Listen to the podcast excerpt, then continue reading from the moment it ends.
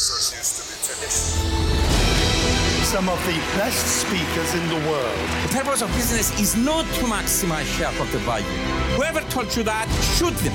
It brings together so many people and creates this high energy environment. Powerful speakers, powerful audience. I denne samtalen skal vi bli litt klokere på hvordan kunstig intelligens, strategi og ledelse griper i hverandre. Og jeg er så heldig at jeg får hjelp av Michael Jacobs, som mange år jobbet i Microsoft, Oracle, Dell og Athea. Jeg tror det var 30 år, Michael. Noe rundt der, ja. ja og så i dag er ansvarlig for eh, Crayons Norden-satsing. Så vi kan komme litt tilbake til hva du gjør der, og hvordan dere jobber med kunstig intelligens. Men velkommen til deg. Takk for det. Og så har jeg Vegard Kolbrensrud, som er min tidligere kollega fra BI. Som er førsteamanuensis på BI i strategi og entreprenørskap. Et flott institutt, må jeg si. Men i tillegg så har du en eh, jobb som seniorforsker hos Accenture. Stemmer. Du bruker å si, Vegard, at du ble akademiker i voksen alder. Ja, eh, jeg, har, eh, jeg, var konsulent i mange år. Eh, og så har jeg hele tiden hatt lyst til å forske mer. Så, så etter å ha vært konsulent i ti år, så begynte jeg på en doktorgrad. Og fikk med meg arbeidsgiveren min, på den tiden Accenture, til å være med på den, den reisen. Og så har jeg vært fulltidsakademiker siden 2016. Og da er jobben min å være nysgjerrig på fulltid, og det liker jeg veldig godt. Og jeg vet jo at Michael, Du har lang erfaring, men du har også vært nysgjerrig på fulltid i mange år? har du ikke det? Jeg har vært nysgjerrig i alle år, vet du. Og jeg må ta en disclaimer veldig tidlig. Det er til en teknologientusiast. Aha. Så jeg syns det er spennende hva teknologi kan gjøre for mennesker og for bedriften og organisasjonen vi jobber i. Så det er en liten disclaimer når vi går inn i AI, det store spøkelset. Ja, det er helt flott. Vi skal jo nå prøve å bli litt klokere, men før vi blir klokere så trenger jeg litt hjelp til å definere det. Og kunstig intelligens, artificial intelligence, altså KI og AI. Og vil du prøve deg, Vegard, på å hjelpe oss å definere det? Jeg kan godt prøve. Og da kan man tenke seg, Hva er det som skal til for at system skal være intelligent? Og hva er intelligens? Det er jo evnen til å løse problemer og tilpasse omgivelsene sine. Ikke sant? Sånn da trenger det å kunne sanse, forstå, handle og lære. Fange inn data, sanse. Data fra omgivelsene, det være seg tradisjonelle datakilder, det kan være eh, nye ting med sensorer osv. Kunne trekke ut mønstre fra disse, forstå, og omsette dette i handling. Alt fra varsle om noe er mot normalt, til at man kan handle autonomt. Og så er den kanskje den største forskjellen fra skal vi kalle vanlig digitalisering, det er evnen til å lære. Nemlig at en lærer av erfaring. Og erfaring for datamaskiner, det er data. Så den kan endres og oppdateres si, etter hvert som man får mer data. Og så kan det brukes til tre typiske anvendelser. Det er eh, prediksjon, klassifisering og generativt bruk. La meg kort fortelle hva det er. Eh, Prediksjon handler jo om å forutsi. Så Det er jo å estimere når noe kommer til å skje, hvor mye det kommer til å være, forventninger om kunders etterspørsel eller måtte være sånn. Og En vanlig anvendelse der det er jo såkalt prediktivt vedlikehold. At du bruker data til å finne ut når er det du bør gjøre vedlikehold eller bytte ut en del, helst før han ryker. Den type anvendelser. Klassifisering, da er det sånn bildegjenkjenning og sånt. Det å klare å kategorisere ting i, i riktige bøtter og spann. Og i sin avanserte bruk så kan jo det være sånn som å gjenkjenne kreft på, sånn, på, på ulike typer bildemateriale, f.eks. Og så er det generativt, og der, der, det er stor ståhei nå med, med ChatGPT. Som da er å generere, altså skape ny tekst basert på eh, noen enkel input eller noen forespørsler fra oss. Eh, men det kan også være generativt design, hvor du legger inn en del parametere, og så får du et system til å generere alternative designløsninger på et gitt problem. Så der har du liksom de tre typene AI eh, som brukes bredt, egentlig alle typene i dag. Tusen takk. Og du hører Michael, at Vegard han blander litt AI og KI. Er det vanlig? Ja, jeg tror vi har begrepsbruk i bransjen som er ganske omfattende, og som bruker mange ulike begreper. Så det ene er jo engelsk, og det andre er norsk. Gjør det samme. Men, men kategoriseringen her, er du enig? Ja, den er enig. Den syns jeg stemmer godt. Så når, når, dette her møter mennesker, da, Vegard, hva er, hva er, det som skjer da? Disse her dataene som oppmagasineres og blir smartere, i den forstand at det, blir flinkere til å gjenkjenne mønstre? Hva skjer? Ja, det, nei, altså, det som gjør meg veldig nysgjerrig her, det er jo hva skjer egentlig når du kombinerer intelligent teknologi med intelligente folk. Ikke sant? Og da kan du grovt sett gjøre to ting. Det ene er at du kan prøve å erstatte folka med den intelligente teknologien. Eh, det gir gjerne noen effektivitetsgevinster, men vi kan diskutere begrensningene i det. Eh, og så er det da, hva er det vi kan få til sammen, og tenk på det som en ny kollega med et annet sett med egenskaper. Eh, og som kan øke både skal vi si, evne og mangfoldet da, i et team, så vi kan få til mer sammen enn vi kunne aleine. Og Det er jo en spennende tanke, for jeg tror det er, det er jo en sånn trusselelement i dette her. Det tror jeg handler om litt det vi kommer til i løypa, med hvordan man skal bli tryggere på teknologien. Eh, ikke bare kunne beskrive den, men også anvende den. Men når jeg hører deg snakke nå, Vegard, at det samspillet mellom maskin og maskinlæring, for det er jo det det er, og et menneske som skal være såpass smart at det henger med på hvor raskt den maskinen utvikler seg. Med så mange år i IT-bransjen som du har, klarer vi som mennesker å henge med på dette her? Eh, ja, jeg tror det, og jeg, eh, Tilbake til entusiasten i meg. Da. Jeg ser jo at det skjer. Altså, øh, mine 30 år så har jeg opplevd tre store ting. Først var PC-en kom. Det syntes vi var stort, og det gjorde noe med hele samfunnet vårt. Og Så var det skjedde det masse rart, og så kom internett. Jaggu gjorde ikke det noe også med oss, og vi klarte å komme gjennom det. Og det tredje store jeg nå får oppleve, er da AI, kunstig intelligens. Som nå kommer som den tredje bølgen, og som gir oss uante muligheter. Så der ser jeg mye spennende, da. Jeg tror det kommer til å ta to veier. Da. Det ene er oss, det er jo meg. Hvordan vi bruker det. Og det er jo ChatGPT en første start på det, da, hvordan vi bruker det. Så noen sier til deg kan du finne ut noe om den oppgaven, så kan du sette deg ned og gjøre masse undersøkelser, du kan lese deg opp osv. Eller så kan du stille et enkelt spørsmål. Så får du svar tilbake, og så plutselig har jeg svar i løpet av sekunder.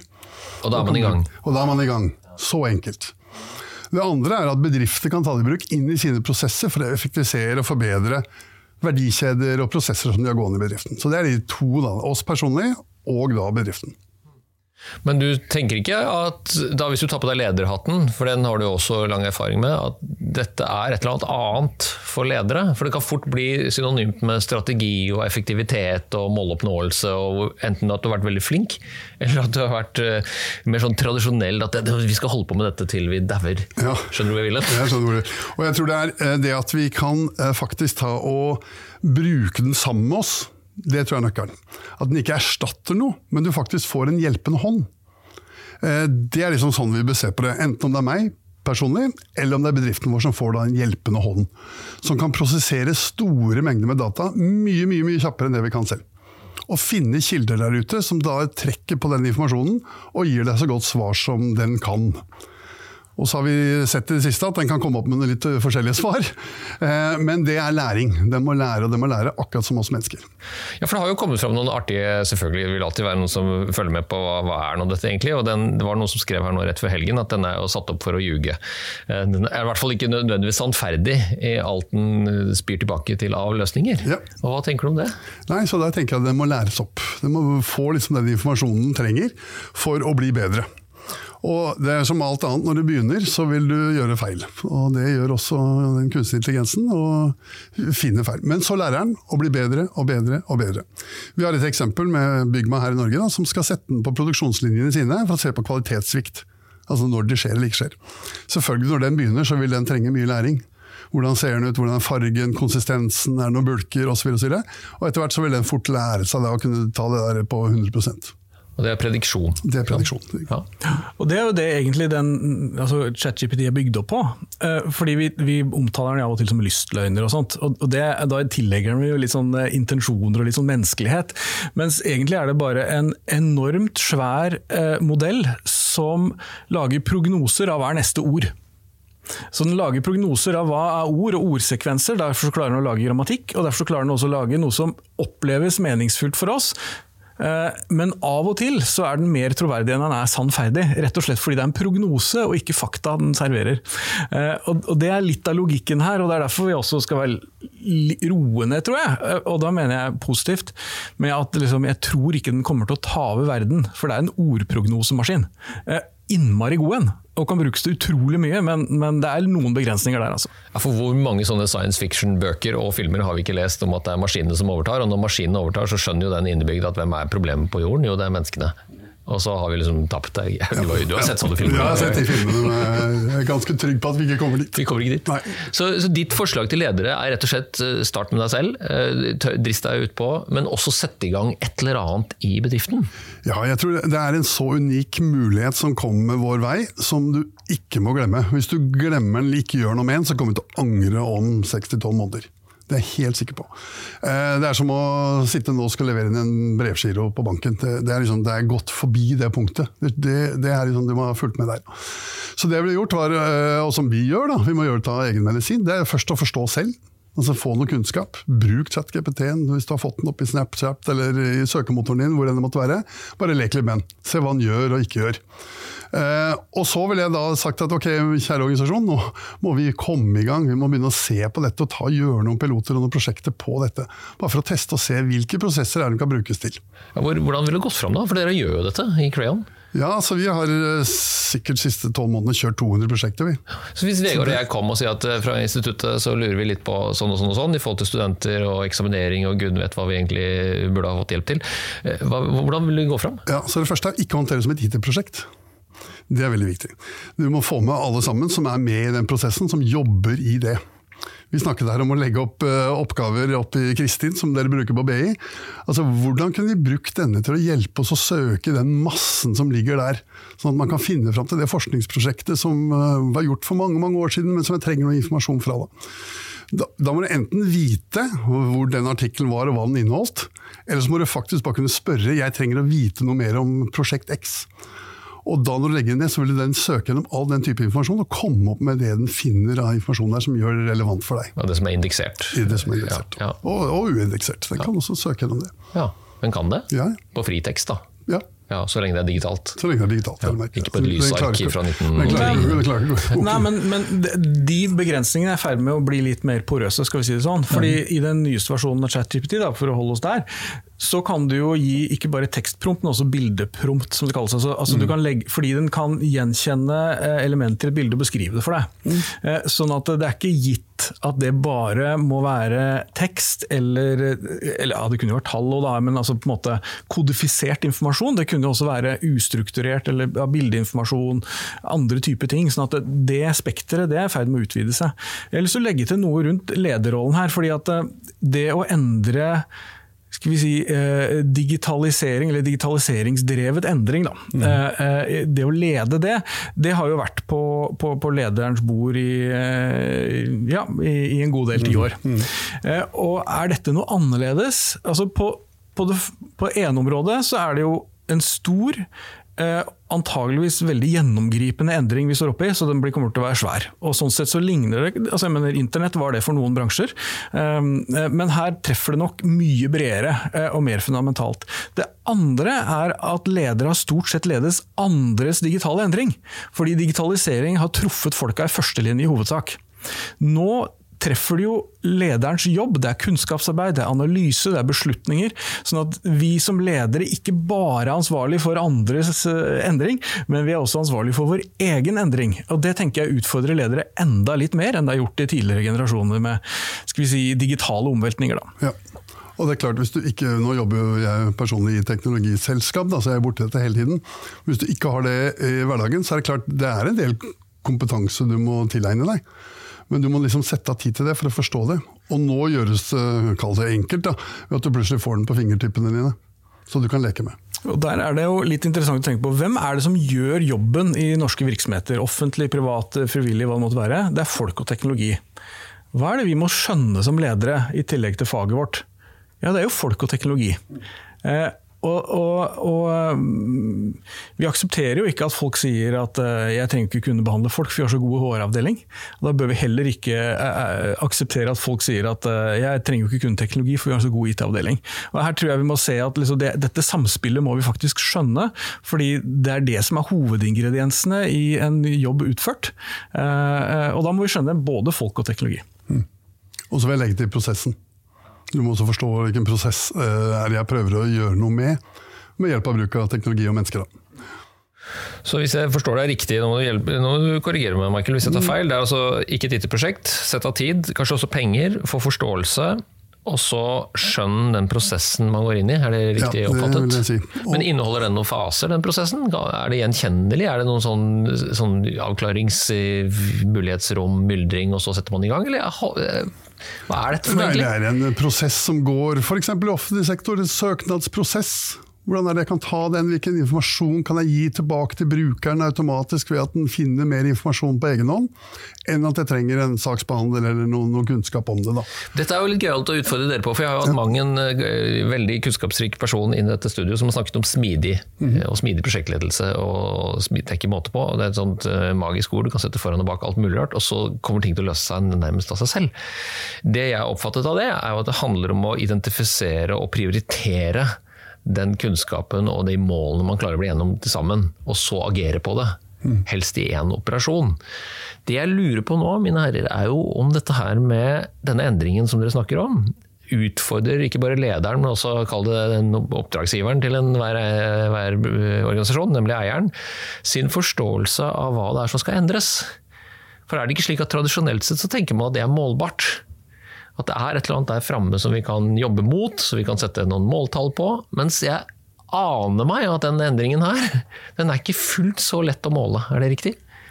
Jeg vil si at kraften, potensialet der, da, er så stort at du klarer ikke å tenke på det, tror jeg. Så det er vanskelig å sette ned i et måletall. Et sånt sort hull. Så Ja, det er liksom mer sånn der, ok, Hva kan denne her få oppnådd, da, hvis jeg satt den inn i den prosessen? Da tror jeg ikke du klarer å komme opp med svar på er lik 100 i andre enden. Du må liksom bare sette den i gang, så vil du bli ganske positivt overrasket over den konsekvensen det får. da. Det er et veldig bra svar. Men, men det er også noe med arbeidsprosessen. Fordi, fordi Hvis du tenker deg sånn klassisk prosjektgjennomføring, så liker vi å lage en plan, og vi har satt noen klare mål, og så skal vi gjennomføre disse stegene, og så får vi dette resultatet. Eh, og så er vi mer eller mindre sikre på det, og vi vet jo at de ofte går gærent, så det er jo ikke nødvendigvis sånn at det er så lurt alltid å gjøre det sånn. Eh, men her har du et, i hvert fall foreløpig, så har du et innslag av slags håndverkslogikk, eh, som handler om at Eh, Ja, vi ser på prosessen. Eh, Hva er det vi skal prøve å forstå? Hvilke spørsmål er det vi prøver å, å, å, få svar på? Og hvilke datakilder har vi tilgjengelig? Kan vi bare bearbeide disse på en eller annen måte? Må vi samle nye data? Og så trener man opp algoritmen, og så tester man hvor godt er det den virker i den settingen den skal brukes. Og, og, og der er det, for En del av smidig-logikken er jo at man jobber iterativt. altså Man jobber i raske sløyfer og jobber med faktiske produkter eh, og, og skal vi si, delleveranser, istedenfor å ha en, en enorm kravspekk og en kjempelang eh, skal vi si, tidslinje på. Eh, og Sånn sett så ligner det litt på smidig, men, men det, er, det er litt vanskeligere definerbart. Selv om det er nok enklere i dag enn det var for noen få år siden, fordi man begynner å få mer erfaring. Man begynner å få kraftigere verktøy, mer brukervennlige verktøy. Du har datarobot og forskjellige andre greier som ikke nødvendigvis krever kodekunnskap, i hvert fall på noen operasjoner. Så, så det kommer nok til å skli litt der, men foreløpig så, så er det litt mer den der skreddersøm-håndverkslogikken. Um, det er i hvert fall sånn de signalene jeg får høre foreløpig, og så, og så tipper jeg at det blir mer industrialisert og mer rett fram etter hvert. Jeg er helt enig i det. og det, Vi ser jo det. Lær av andre. Også ganske smart. Eh, For Vi har noen selskaper i Norge som har kjørt allerede 30-40 prosjekter. På forskjellige prosesser. Og fått eh, suksess med noen, og ikke like stor suksess med andre. Så det er noe med å gå til andre og få læring der også. Hvordan de har gjort det, og hva de lærte, og hva som gikk bra. Hvordan satte de i gang prosessen osv.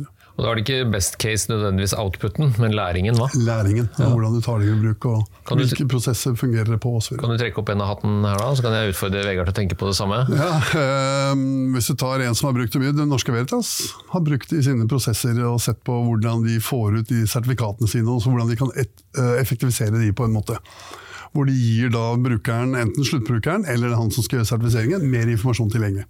Og masse som er foregått med sertifiseringer og forskjellige slag, som nå ligger inne som man kan spørre på og få ut mye mer informasjon enn hvis du skulle gå og søke opp alt sammen selv. da. Ja. Har du et eksempel, Vegard? Hvis vi tar et internasjonalt eksempel da, så på dette med prediktivt vedlikehold. Så I 2010 så hadde flyselskapet Delta de hadde 5600 vedlikeholdsrelaterte kanselleringer. Eh, via en del endringer som, hvor, hvor eh, prediktivt vedlikehold var vesentlig, men ikke det eneste, så hadde de da i 2018 kommet ned i 55, altså en reduksjon på 99 eh, eh, Så det sier jo litt om, om potensialet. Og så kan det være helt andre ting, sånn som eh, det jeg jobber med å forske på nå, det er å følge bruken av den norske programvaren Spacemaker innenfor arkitektur og tidligfase eiendomsutvikling. Hvor det både brukes generativt for å, altså det å få opp nye ideer og teste de, men også for å, for å gjøre analyser på, på, et, eh, på, på, hva som er mulig å gjøre på en tomt. Hva kan vi skape på den tomta? Bør vi kjøpe den, i så fall for hvor mye? Eh, og når man har bestemt seg, hva, hva skal vi bygge her, og hva kan vi få godkjent gitt eh, regler og retningslinjer, men også hva, hva slags type bokvaliteter kan vi skape. da. Mm. Og så er det vel litt sånn som i, i bærekraftsdiskusjonen, at det er jo bransjene utvikler også sine egne Kall det at det er noen som beveger seg raskere enn de andre. Mm -hmm. Så går det an å følge med sin egen bransje, i hvert fall. Men også se til andre bransjer som tar i bruk teknologi som er lignende prosesser som man selv undrer seg litt over. Hm, kan vi gjøre noe med dette? Er ikke det riktig jo. Jo, det er helt riktig. Vi har en stor kjøkkenprodusent i Tyskland. Eh, leverer ut 3800 kjøkken om dagen. Uh, uh, og det de vil gjøre, er legge det inn i det verktøyet som jeg som kunde bruker når jeg skal designe kjøkkenet mitt. Og Da putter de med mye intelligens inn i det, sånn at du slipper at noen skal sitte i andre enden og tegne for meg eller gjøre noe for meg. Alle de rare spørsmålene jeg har for kjøkkenet mitt. Uh, og Da ligger den og kverner i bakgrunnen, og så kan de få opp inputen da, til produksjonen mye mye kjappere. Så, så, hvis du da har noe som produseres, så trenger det ikke være kjøkken. Det er akkurat det samme. Putt inn i produksjons sånn som Bygma og andre. Eh, folk som har et skjema som går gjennom en prosess. Det finnes jo i alle bedrifter eller offentlige institusjoner. Ja, det er jo, du skal slippe til, Jeg må ha en fun fact på det. Jeg tror Norge er verdenstoppen på gjennomsnittlig kjøkkenfrekvens per ja. husstand. Ja, du kjenner til det? Ja. Mens i Italia så er det én. I Norge er det vet du hvor mange? Nei. Tre. Ja, Nei, Det skjer jo masse spennende her nå. og Hvis du ser på vitenskapssiden, da, så ser man jo eh, altså ChatGPT er jo et eksempel på sånn stor språkmodell. Eh, og det fins andre problemer der i verden som, som har lignende struktur som språk. Eh, og blant annet innen genetikken og innenfor eh, dette med proteiner. Så nå er det skjedd mange interessante ting som gjør at man kan bruke, trene opp en sånn språkmodell basert på da, eh, data om proteiner og proteiners struktur. Og bruke det til å designe nye proteiner med nye egenskaper. Og det er nylig utgitt i Nature Biotech, tror jeg den het. Men i hvert fall, Så det er en del fascinerende nye nye bruksområder som vi har vanskelig å forestille oss før vi faktisk får se dem. Så er det noe med hastigheten her også. Jeg tror, jeg, jeg tror vi har jo lest om det, mener jeg, inn, jeg innbiller meg at vi har jo hørt om det en stund. Uh, og så begynner det nå å bre om seg, er ikke det riktig oppfattet? Ja, teknologien har vært der lenge. Ja. Um, så det de har gjort er å gå fra en uh, uh, vertikal Eh, prosess til en eh, horisontal prosess. Det er liksom den store endringen som er nå kommet inn i chat GPT bl.a.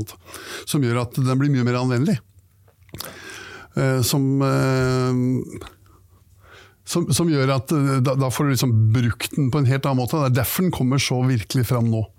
Men så har vi jo en, en slags Jeg tror det er så vanskelig å orientere seg i det, men jeg, liker jo veldig godt at dere bruker begreper her som ordprognosemaskin og språkmodell og håndverkslogikk, for det gjør det i hvert fall for meg, som nok er på den helt andre enden av adopsjonskurven dere er, nærmere etternøler når det gjelder det. Liksom motvillig tar i bruk ting fordi at alle andre sier at det må du jo bare komme i gang med.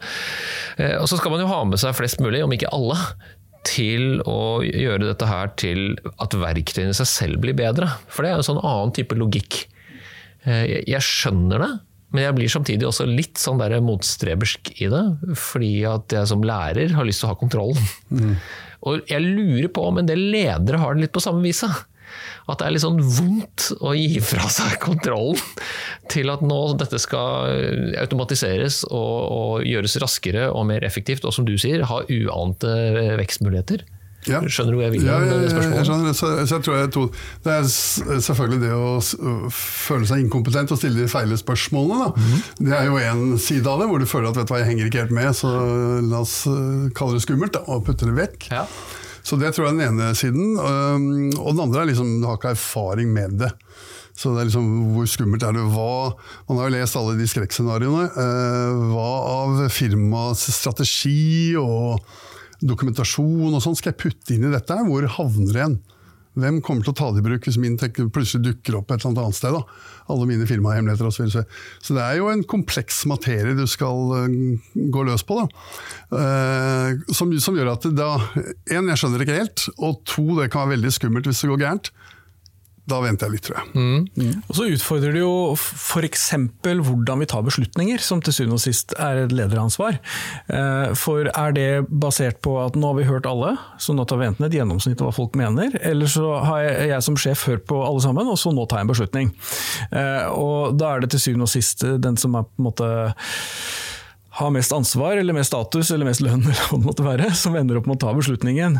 Men til syvende og sist så kan vi jo nå i mye større grad ta databaserte eh, eh beslutninger. Altså vi kan ta beslutninger basert på erfaringstall og prognoser osv. som er mye mer presise enn det vi, det vi, har vært før. Og så vet vi jo at teknologien er veldig mye bedre enn oss på en vesentlig område, og det er å forholde seg til sannsynlighet, for det er vi innmari dårlige på som mennesker. Eh, og der hjelper teknologien oss, og hjelper å få vekk en del av den støyen. da. Eh, så det tror, jeg, det tror, jeg, er viktig å ha med seg. at Det kan faktisk være en veldig god støtte inn inn i beslutningsprosesser eh, når det anvendes på en god måte. Eh, men det betyr jo at man må skjønne litt om det. Det betyr jo ikke at hver enkelt leder må bli sånn såkalt data scientist og sånn liksom AI-ingeniør. På akkurat samme måte som ikke hver enkelt leder trenger å bli psykolog heller, å, selv om vi må behandle folk. Så, så her, men vi må kunne nok til at vi kan gjenkjenne kvalitet, at vi kan snakke snakke med de som er gode på det, så vi skjønner hva de sier og vi kan stille krav. Eh, for, for eh, de som har teknisk kompetanse, de må jo da utfordres på de tingene som handler om fag og prosesser og liksom det domenespesifikke eller bransje- eller firmaspesifikt, eller hva det måtte være. Eh, og få det her til å funke. Så det må være et samspill der. Og skal vi få til noe synergi mellom ulike faggrupper, så må det være en viss overlapp som gjør at vi i hvert fall har et felles språk. Og for å få til det, så må vi kunne noe. Så for eksempel, eh, jeg er involvert i vårt Executive MBA-program på BI, og har ansvar for de digitaliseringsrelaterte valgfagene. Og da har vi veldig bevisst eh, eh, har vi maskinlæring for ledere som en del av den porteføljen. Ikke fordi at de skal sitte der og kode Python, eh, framover, det har vi ikke noe tro på. Men, men, hvis du ikke har kjent lukta av data, og ikke vet hva en algoritme er, og hvilke begrensninger og muligheter som ligger i det, så er det veldig vanskelig å lede den type prosesser. Så, så litt kompetanse må man faktisk ha, altså. Og Du har jo vært med på denne reisen, og du fortalte det som en slags tredje bølge. At når man går fra internett til eh, kunstig eh, IT, er det andre typer spørsmål dere får nå? Er det fortsatt dere som må dytte i gang prosessene, Michael? Eh, jeg tror bransjen har dyttet på de siste seks, sju, åtte, ti årene. Hvor du har hatt teknologi som liksom det store og spennende. Ja, og skyen og, og, og tilgjengelighet og ja. alt mulig. ja. Og nå har det gått til hvor du faktisk har interesse ute der, fordi de har hørt om det og er nysgjerrige på hva det kan gjøre. Og det er kanskje de som du sier, som er de som går foran, da, som kommer først. Eh, og da er det liksom, hvordan kan dette hjelpe min bedrift eller min organisasjon på en god måte? Og da er det du må liksom kunne ha den kompetansen som Vegard sier her, hvor du, du, du skjønner hvilke spørsmål jeg skal stille. i hvert fall. Og du trenger ikke komme mer enn dit, uh, hvor du liksom har de, uh, muligheten til å stille de spørsmålene som skal til. Da. Jeg synes Det er veldig fint at du farliggjør det sånn, for jeg tror det er der vi må starte. Altså, hvordan kom vi, Jeg husker for lenge siden, når internettet kom. Ja, og Vi måtte jo lære oss dette med hypertekstforståelse, og hvor begrensa tross alt en nettleser er i antall tegn, og hvordan den gjenkjenner det, og, og gjør det universelt da, tilgjengelig. Og nå har vi jo en, en kall det en Jeg vet ikke hva jeg skal kalle det engang. En potensiell datalogikk som blir så god som vi tillater at den blir, men også som så, kan bli så utfordrende for oss også. Nettopp fordi at det blir dytta tilbake igjen til oss. Hvis vi enten A er litt slepphendte med dataene våre, eller to, som jeg har tenkt på i mange mange år Hvis man stapper inn epler og bananer og druer og alt mulig rart i en blender, så er det det man får. Man får en smoothie. Er det mulig å deschiffrere den smoothien og tilbakeføre det til originaldataene? Eller er jeg nå helt på villspor med analogien min? Altså Dette systemet blir så bra som den blenderen er, da. Det er poenget mitt. Ja, altså du, du, men du, det finnes så mye informasjon der ute, da, så det er liksom det å, å stille det riktige spørsmålet, så vil den komme tilbake med den blenden du vil ha. Ja, Litt avhengig av hvor god den softwaren eller det systemet eller den programmeringen på den, hvordan uttaket igjen skal være. da. Ikke sant? Og Ja. når du sier eh, hva er det jeg spør om, så er det koden. da. Ikke sant? Hva er det den, hva er det den liksom søker av informasjon? Og jo flinkere du er til å skrive den koden, eller det spørre, stille det spørsmålet, jo bedre svar vil du få ut. Og så vil den uh, kunstig intelligensen etter hvert lære seg å begynne å, å prøve å forstå hva det egentlig du spør om. og så vil den hjelpe deg på vei da, til å prøve å guide deg til det riktige området, det, det du er ute etter. Da, for den vil lære underveis. Det der, Hvis jeg kunne bygge på den, da, fordi hvis jeg tar blender-metaforen jeg syns den var fin, Tor. Eh, eh, Så er jo, er jo et annet spørsmål der, det er jo ok, her var det noe input på et eller annet tidspunkt. Men kan jeg da forklare, og la oss si det kommer en eller annen anbefaling eller en prognose, skal jeg gjøre A eller B, så sier systemet B. Ikke sant? Og så, ja, ok, jeg er helt sikker på det da. Hvordan kan jeg vite at det er sant, og med hvilken grad av sikkerhet kan vi ha, og hva er de viktigste faktorene, og hvordan kan det her forklares? Og da har vi noen utfordringer, fordi det kan være litt smoothie-aktig. Eh, Rett og slett fordi det er vanskelig å peke på enkeltingredienser og deres rolle i den nye miksen.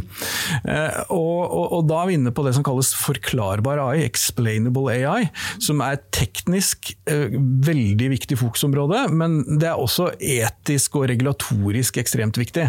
Blant annet så finnes det noen noe paragraf på det her innen GDPR-reglene, faktisk, hvor var, hvis det er algoritmiske beslutninger, så har du krav om forklaring.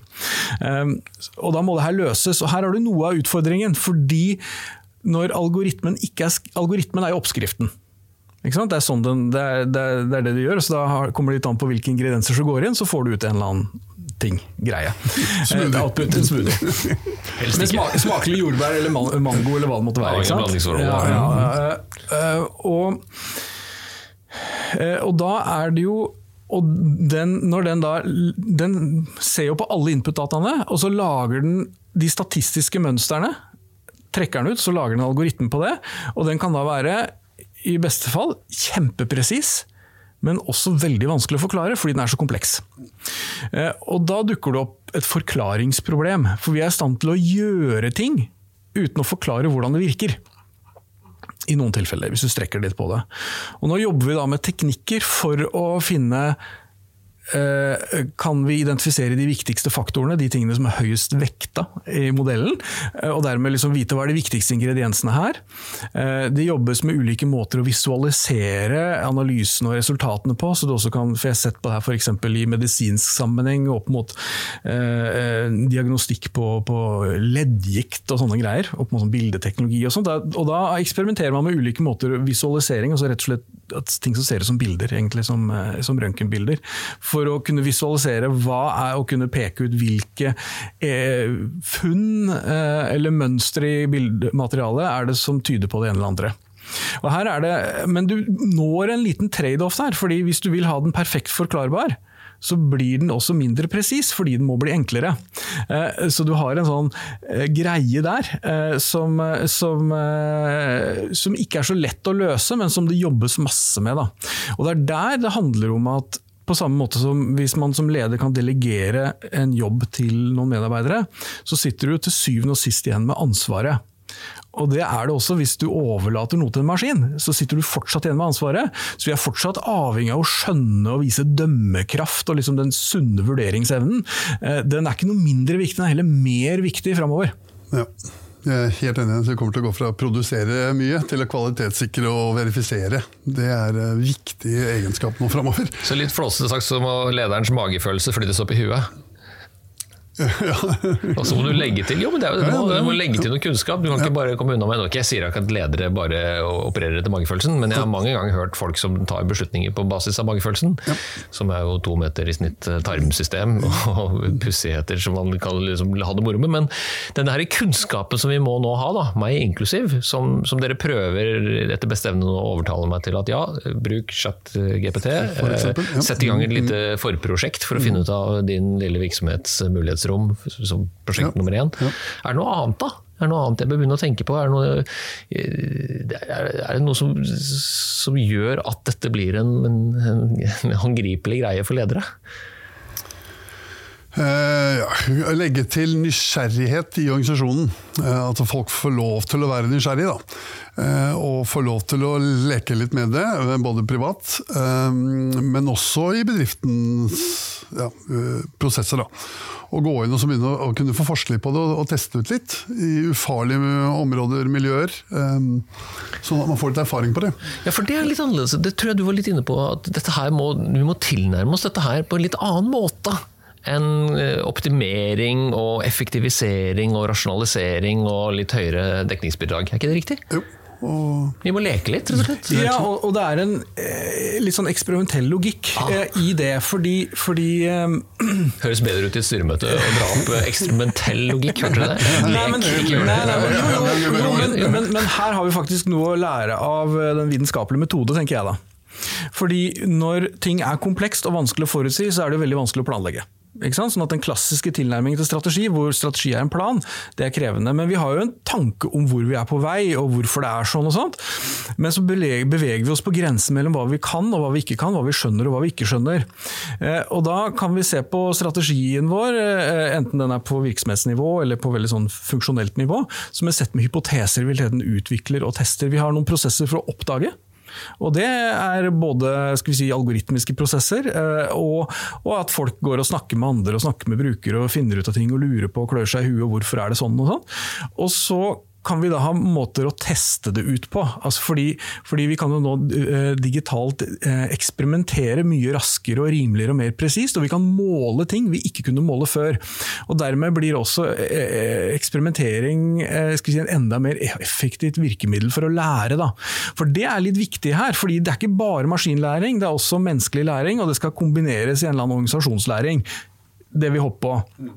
Og Det er en del jeg har sett fra, fra, øh, ja, fra intervjuer vi har gjort, f.eks. Hvor øh, det var en, en leder i et forsikringsselskap øh, som sa at når vi har to eh, saker som ser like ut på overflaten, og så kommer algoritmen opp med ulike anbefalinger for de to, så ja, da klør vi oss i huet og så begynner vi å grave dypere. Og så finner de ut om det er noe underliggende som gjør at de kanskje burde ha behandla de ulikt eller om det var et eller annet de bør gi input i algoritmen. Og, og så liksom, trigger det en problemløsnings- og læringsprosess hvor, hvor, hvor, ikke bare maskinen lærer av menneskene, men menneskene lærer av maskinen. Og kollektivt så får vi til noe som er bedre da, enn det vi gjorde før. Og sånn sett så beveger vi oss framover. Ja, vi gjør jo det. Ja, jeg innser jo det også. Litt motvillig. Et siste tema, og dette, vi har toucha litt innom det. for at Dette med kompleksiteten treffer jo denne store diskusjonen om kontroll. Om det skal være nasjonalt eller regionalt, som de fleste i Norge anerkjenner at vi er en del av dette 550 millioner store europeiske prosjektet. Vi i hvert fall prøver tilnærme oss det med noenlunde harmonisering av vårt regelverk. Og så er jo dette her store aktører og noen krefter som man kan kan jo igjen tilbake til sant, worst case-scenarioet her. Om det kommer til å være en eller annen framtidig mogul som eier disse dataene og tvinger oss ned i, ned i en eller annen slags tvangsslavedrift igjen. Ja. Men, men hvordan, hvordan, skal man angripe dette her ut ifra sånt regulativt, nasjonalt, eh, tradisjonell måte å tenke på? Eller skal man bare tenke at dette ordner seg? Nei, jeg tror det er vel den delen som, som er vanskelig. Da. Det er liksom Hvordan skal du regulere dette? Teknologien går veldig fort, som du var inne på. Um, jeg så en eller annen sånn som hadde, i forbindelse med noen artikler som gikk, en, hvordan vi sto imot kalkulatoren i 1986. I mattelærerne nektet å ta den i bruk. Overraskende nok. Hørte ikke noe sted hjemme i klasserommet. Uh, vi har klart å leve fint med kalkulatoren og andre verktøy etter det. Um, så, så, det er klart det må jobbes med, både, jeg tror både hver enkelt leder har et ansvar for å sørge for at hva er det jeg bestemmer meg for å putte inn i dette her, og hvordan skal vår bedrift forholde seg til denne muligheten, eller ja, og med de problemene det må medføre. Det er et nasjonalt ansvar, hvor vi bestemmer oss i Norge sånn vil vi ha det her, og sånn skal reglene være. Og sånn. Og så er vi underlagt noen EU-krav og noen regler som også kommer. Så, så jeg tror det kommer til å spille seg ut, som med all annen teknologi. Som har vært der. Så har du er optimistisk på at det kommer til å gå seg til? jeg er optimistisk på at det har i hvert fall gjort før, og det er jeg ganske trygg på at det kommer til å skje igjen.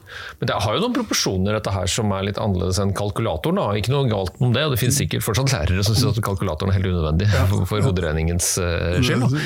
Eh, Men dette her har jo, som du er inne på selv, både mulighetsrom, men også litt sånn trusselaktig i forhold til å avgi informasjon og suverenitet, og nå i en geopolitisk situasjon som vi som har levd noen år vet at hm, dette drar vi kjensel på. Her, er det, her er det ikke bare harmoni og, og globalisering. Her er det jo åpenbart noen interessekonflikter, da, for å si det forsiktig, uten å nevne navn eller regioner. eller noe som helst. Jeg, jeg, tror, jeg, tror, jeg tror du setter fingeren på noe veldig viktig. Eh, Og jeg tror heller ikke vi har fullgode løsninger på det nå. Um, Men det håndbrekket, det er det ingen som sitter på. Eh, Sånn at eh, vi, vi må vi, Og det er litt som det er liksom når du er ute og kjører båt. Du må ha litt fart for å ha styringsfart. Eh, Så skal du liksom få noe fasong på det her, så må det være litt bevegelse, tror jeg. Um, Og, og da tror jeg nok ønsket om å detaljregulere kommer til å mislykkes av to grunner. Det ene er at du får det ikke til. Fordi de som regulerer vet ikke hva som skal reguleres på detaljnivå. Og det andre er at du klarer å hindre en hel masse bra greier. Eh, eh, Så det jeg tror vi må ha fokus på, det er noen hovedprinsipper. Hva er liksom hovedkjørereglene? Holdt på å si grunnloven for AI. Eh, Der finnes det også en del ny teknologiutvikling som kan være interessant, som ikke er ekspert på, som kalles constitutional AI. og Det er rett og slett gi AI-en et sett med hovedprinsipper som den må kjøre etter, som den kan kalibrere på en måte algoritmer og andre ting opp mot, og eventuelt flagge eventuelle avvik. Du har forskjellige måter å håndtere det på. Um, og, eh, men jeg tror vi må vise ansvar og, og eh, nysgjerrighet. eh, Skjønne at vårt etiske ansvar som ledere går langt forbi hva som er lovlig og ikke. Eh, Fordi vi er i et felt hvor, hvor, hvor, hvor lovverket ikke er modent, fordi teknologiutvikling går så fort. Eh, Og noe av det jeg er Jeg er også da grunnleggende optimist, da, både teknologioptimist og mer sånn allment. Eh, Men noe av det jeg lurer på her, og som jeg er litt bekymra for, det er hvis du automatiserer veldig mange tankeprosesser, f.eks. som det å skrive. Um, hva skjer da med vår evne til å tenke sjæl? For det er vår evne til å tenke sjæl som blir det, vår viktigste ingrediens inn i dette samarbeidet med maskinene. Eh, og Grensegangen når er det vellykket eh, personalisering og når er det manipulasjon? Den er altså ekstremt eh, hårfin. Så, så, jeg, så, så, der tenker jeg altså Jeg er mer bekymra for det enn at maskinene skal ta over. Det er et eller annet med hvis vi skrur av vår datamaskin, da, eh, softdisken her oppe i toppen, eh, eh, det er kanskje det jeg er mest bekymra for. Så det, er der, det er der vi må ha fokus, tenker jeg. Og Det er tilbake til den kvalitetssikringen av det som kommer ut. Så jeg er helt enig, Du må ha kompetanse til å forstå hva den anbefaler eller kommer med. Så jeg er helt enig. Og, og så er det noen som har snakket, Elon Musk og et par andre som gikk ut og sa la oss stoppe hele Ja, greia. sa- sendte brev til de 100 smarteste innen bransjen din. Skrev brev til oss alle at Ja. eh, hallo i luken, nå, Ja. nå går det fort nok. Og jeg tror det, um, uh, Hvis du stopper det, da, så er det alltid noen som ikke vil stoppe. De vil bruke det allikevel. Og det er ikke sikkert det er den 10-15 der vi vil at skal bruke det. Så da blir vi andre satt på hold da, i 6-8-12 måneder, hva det måtte være, og da har de andre fått et forsprang. Og da sitter de menneskene som gjerne vil at du skal bruke den, for de skal bruke den til det som er fornuftig, ikke det som ikke er fornuftig eller ikke lovlig, blir satt tilbake igjen. Så jeg tror ikke det stopper det det- Men det er til den båten, båten til Vegard med styringsfart. Du er enig i det, du? Enig i det. Så du må vite hva du gjør når du går inn i det. Ehm, Men er det en nasjonal det cohesion, altså er det en enighet om hva vi skal med dette her, eller er det helt umulig å beskrive? Jeg bare spør, jeg, for jeg vet ikke om det Kanskje det er bare sånne drømmerier om at eh, nasjonalstatens grenser er fysiske og vi kan holde kontroll på grensen vår, men kontroll på dataene våre når de lagres både hit og dit og man vet ikke helt hvor de er hen, og noen putter jo til og med pengene sine i blokkjede som de ikke, i hvert fall ikke vet hvor er hen. De sier det er trygt og transparent, men det er det jo åpenbart ikke, for det er jo en kjede. Men, men hva, er det mulig til å lage dette? Ja, altså bare til, til uh, ferdig krigen i Ukraina. Det første de måtte gjøre, var å flytte alt ut av landet. For du kunne ikke, fysisk du kunne ikke ha dataene der, for det ville bli tatt over av noen andre. Så det er det første du gjør. Så de nasjonale grensene, at du putter alt innenfor våre grenser og sånn, det har i hvert fall vist seg der nede var ikke så smart. For det første måtte gjøre, var å flytte ut. Eh, men, men, eh, men det er klart at vi må passe på det at vi ikke blir misbrukt. Da. Vi må ikke være naive oppi dette her. For da kan du jo sitte igjen. Så, så, vi, så vi må ha noen regler og noen regelverk lokalt også, som bestemmer vi, hvordan vi vil ha det i Norge. Eh, Men så er det jo avhengig, da. Dette bruker jo enorm kapasitet og strøm osv. Det nytter ikke for en bedrift å sette seg ned og lage dette her. Og skal begynne med billedgjenkjennelse av millioner av bilder og sånn. Det, det vil være veldig vanskelig og dyrt. Ja, så du er litt avhengig av den teknologien som er der. For, for, På ligger, for i det så ligger det ekstrem eh, sentraliseringstendens, altså kommersielt. Fordi de største modellene krever enorme ressurser, både økonomisk og datamessig og beregningsmessig og hardware og software og sånn. Eh, På en annen side, så gjennom at dette er tilgjengelig gjennom skyen og til relativt lave kostnader, betyr jo det at tjenestene og muligheten til å bruke dette er, er demokratiseres på et eller annet vis. Så her har du liksom to ting som foregår samtidig, eh, og hvor vi ennå ikke helt vet hva sluttkonsekvensen blir. Men som jeg tror det er viktig at, at myndigheter og eh, næringsliv og, og ja, følger med på. Um, og Vi er ikke alene her, eh, men vi har f.eks. noen regler om at helsedata, personlige helsedata ikke skal ut av landet. For eksempel. og Det er ikke sikkert at det er så dumt. Nei, Det har vist seg å være litt utfordrende, for de som hadde kontrakt med det, de hadde jo folk på helt andre steder. i sånn, i sånn beaching-tradisjon. Men der har vel IT-bransjen lært litt av den, da. Fordi Ja. det ble jo ganske dyrt og, og dumt for de, for de som røyk ut på den kontrakten. Men jeg tror det er veldig spennende, og for det er så mange til alle som da hører på og syns det blir litt, dette er for mye å ta inn over seg. Men det, er jo, det handler om å sette av tid, egentlig. Ja. Tid til å prøve å summe seg og ha noen lytteposter som kanskje ikke er de tradisjonelle du har. Og så investere i tid for å komme litt opp i fart. Ja, kan vi ikke si det sånn? Jo, litt egenkompetanse, litt kompetanse og erfaring inn i organisasjonen på hva er dette, og hvordan kan vi eventuelt anvende det. Og selvfølgelig lage seg som man gjør med alle ting. Hva er pros and cons på dette? Hva er risikoen eventuelt vi må gå og vurdere når vi skal gå i gang med et sånt type prosjekt. Jeg vet ikke om du har hørt om dette, men jeg hadde en kar fra Cyberforsvaret på besøk her, og han fortalte at når de begynte å legge om prosjektmetodikken deres og innførte dette med smidig, da startet de helt i det små med å arrangere lunsjprat i kantina på fredager, hvor de begynte, sånn, begynte med en liten gruppe, og så ble de alt flere, og nå tror jeg de er oppe i 800 stykker som deltar på dette, virtuelt. da, For å liksom dele erfaring og få litt felles språk, og få den nysgjerrigheten starta. Og det kan gjøres så veldig enkelt og elegant dersom det promoteres av ledelsen. Ja, At ledelsen ikke sitter her oppe Ikke noe feil med det, ledelsen er kjempekloke og gjør sikkert veldig smarte ting i forhold til strategien, men det der å omfavne, det der å få det der i gang aktiviteten i organisasjonen, Ja. og få det delt, er ikke det noe med det? Jo, jo, jeg tror det. Og da, da vil organisasjonen lære, og da vil den kunne gå videre, som vi var inne på. Og jeg tror også det at Hvis du sier at det, Vær med på tanken at det er konkurransekraft, at den kommer til å gjøre noe for deg og for bedriften din. Så si det. Og så sier vi at vet du hva, vi i Norge vi skal ikke gjøre det, for vi tror at det ikke trengs her. Eh, det er noe med at vi er et globalt marked, og da kan vi havne ordentlig bakpå hvis ikke vi bruker den teknologien som kommer vår vei. Da. På en anstendig og riktig måte, ja, men allikevel, du, du, du kan ikke sakke bak på denne.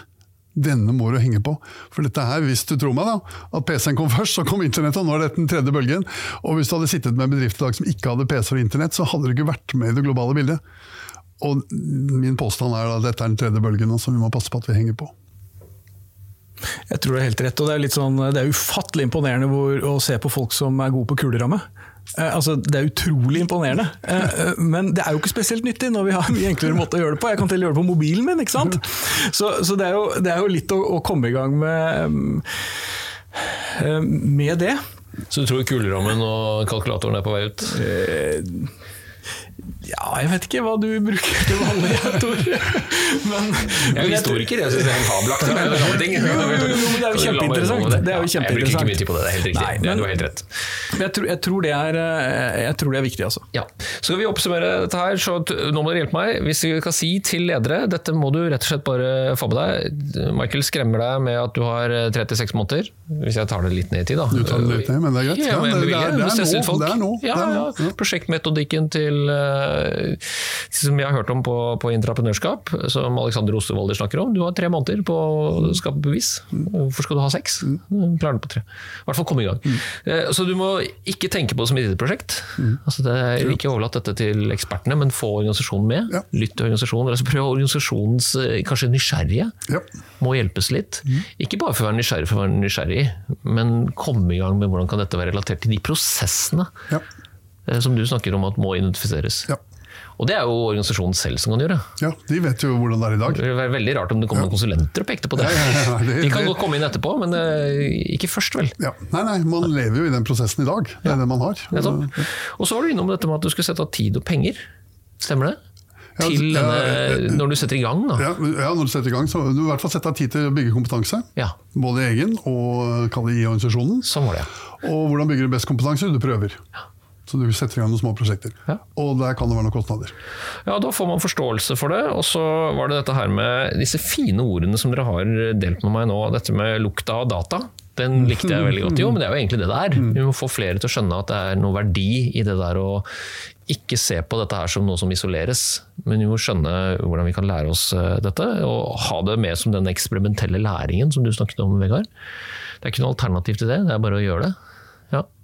Og så er det kanskje noen ord som man bør lære seg. Jeg har brukt litt tid på å bare rett og slett fordøye ordet prompt.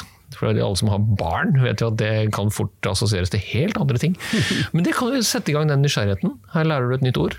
Og så denne magiske forståelsen av hva en algoritme er. Det er jo en oppskrift. Men jeg tror det brukes nå så mye rart der ute at den som nå lurer på hva det er, det må du lære deg. Du kan ikke gå i et nytt møte nå som leder og slenge ut av deg algoritme og AI og tro at ikke du blir tatt på det. For hvis det ikke er noen som reagerer i det møtet, så sitter du og ler av det etterpå. For Du må vite også hvordan du kan gjøre det til noe som er, har verdi for virksomheten. ikke sant? Og så har vi nå det meste vi har snakket om, handler om noen grunnleggende logikk. eh, Hva som er annerledes, hva som er likt, eh, og hvordan komme i gang. Eh, Det er også selskaper og virksomheter der ute som er kommet lenger enn å bare komme i gang. De faktisk jobber disiplinert med det. Så så, så, så fort du har kommet i gang, så er det å komme videre i å bygge litt disiplin på det. Eh, Og En setting hvor jeg ser på det nå, eh, på et forskningsprosjekt, er jo å se på utviklingen innenfor naturvitenskapsbaserte bransjer, som farma, og biotek, og romfart og energi og sånt. Og hvordan kunstig intelligens påvirker vitenskapelig oppdagelse og kommersialisering der. Og jeg ser de, de selskapene som har kommet langt på det, de bygger eksplisitte praksiser med kryssopplæring av folk. Så data scientist-folka de får opplæring i biologi og vice versa. Eh, Og, og nettopp for å skape det her, noen av dem bygger til og med ordbøker for å være helt presise på språkbruken. Fordi eh, de samme ordene brukes i forskjellige sammenhenger med helt ulik betydning. Eh, så så her, her, her neste steg kommer veldig fort. Eh, og da er det også jeg skulle si, en disiplin til dette. Eh, men det første er jo å komme i gang, da. Ja, helt enig. Og jeg tror øh, Vi ledere har pratet veldig mye om brytende siloer. Det er jo ofte at det handler i siloer. Dette er et sånt prosjekt som, brytende, som går på tvers av hele organisasjonen. eh, Og et kjempemulighet til å ta og få det samarbeidet og kollegiale tingene på kryss og tvers av en organisasjon. Og lære av hverandre. Og lære av hverandre. For dette kommer til å gå fort. Eh, Denne timen gikk veldig fort, og jeg har i hvert fall lært at eh, det er jo for det første ikke skummelt, men det er utfordrende. Og det er, når det er noe som er utfordrende, så har vi jo et valg. Og det å gripe det med nysgjerrighet er jo langt bedre enn å sette seg og vente på at hva var det jeg sa. Eh, Så det er jo en oppfordring. Har du noen andre oppfordringer til ledere eller andre som syns dette er skummelt eller vondt eller vanskelig, Michael? Nei, jeg, jeg, du kan bruke nå på mobilen din. Så bare begynn der. Ta den enkle greia og bare sette i gang. Gå inn i Snapchatten din for eksempel, og bruk AI-en der, og test på den. Hvis du syns det er skummelt, så går det an å gå inn og skru den av igjen. Så bare i hvert fall prøv det. Les litt, hør på noen podcaster, få med seg litt av den informasjonen, og så vær nysgjerrig inn i organisasjonen. For frykt, medisinen mot det, i hvert fall teknologifrykt, det er teknologiferdigheter. Ikke mer informasjon. Så det er å komme i gang, det er også medisinen mot den der fryktsaken som sitter og gnager folk akkurat eh, i disse dager. Strålende. Så kunstig intelligens er ikke så kunstig allikevel. Det starter med deg selv og litt nysgjerrighet og litt eh, læringsiver og læringsglede. Tusen takk for veldig kloke ord og deling og diskusjon, mine herrer. Takk skal dere ha. Some of the best speakers in the world. The purpose of business is not to maximize shareholder value. Whoever told you that, shoot them. It brings together so many people and creates this high energy environment. Powerful speakers, powerful audience.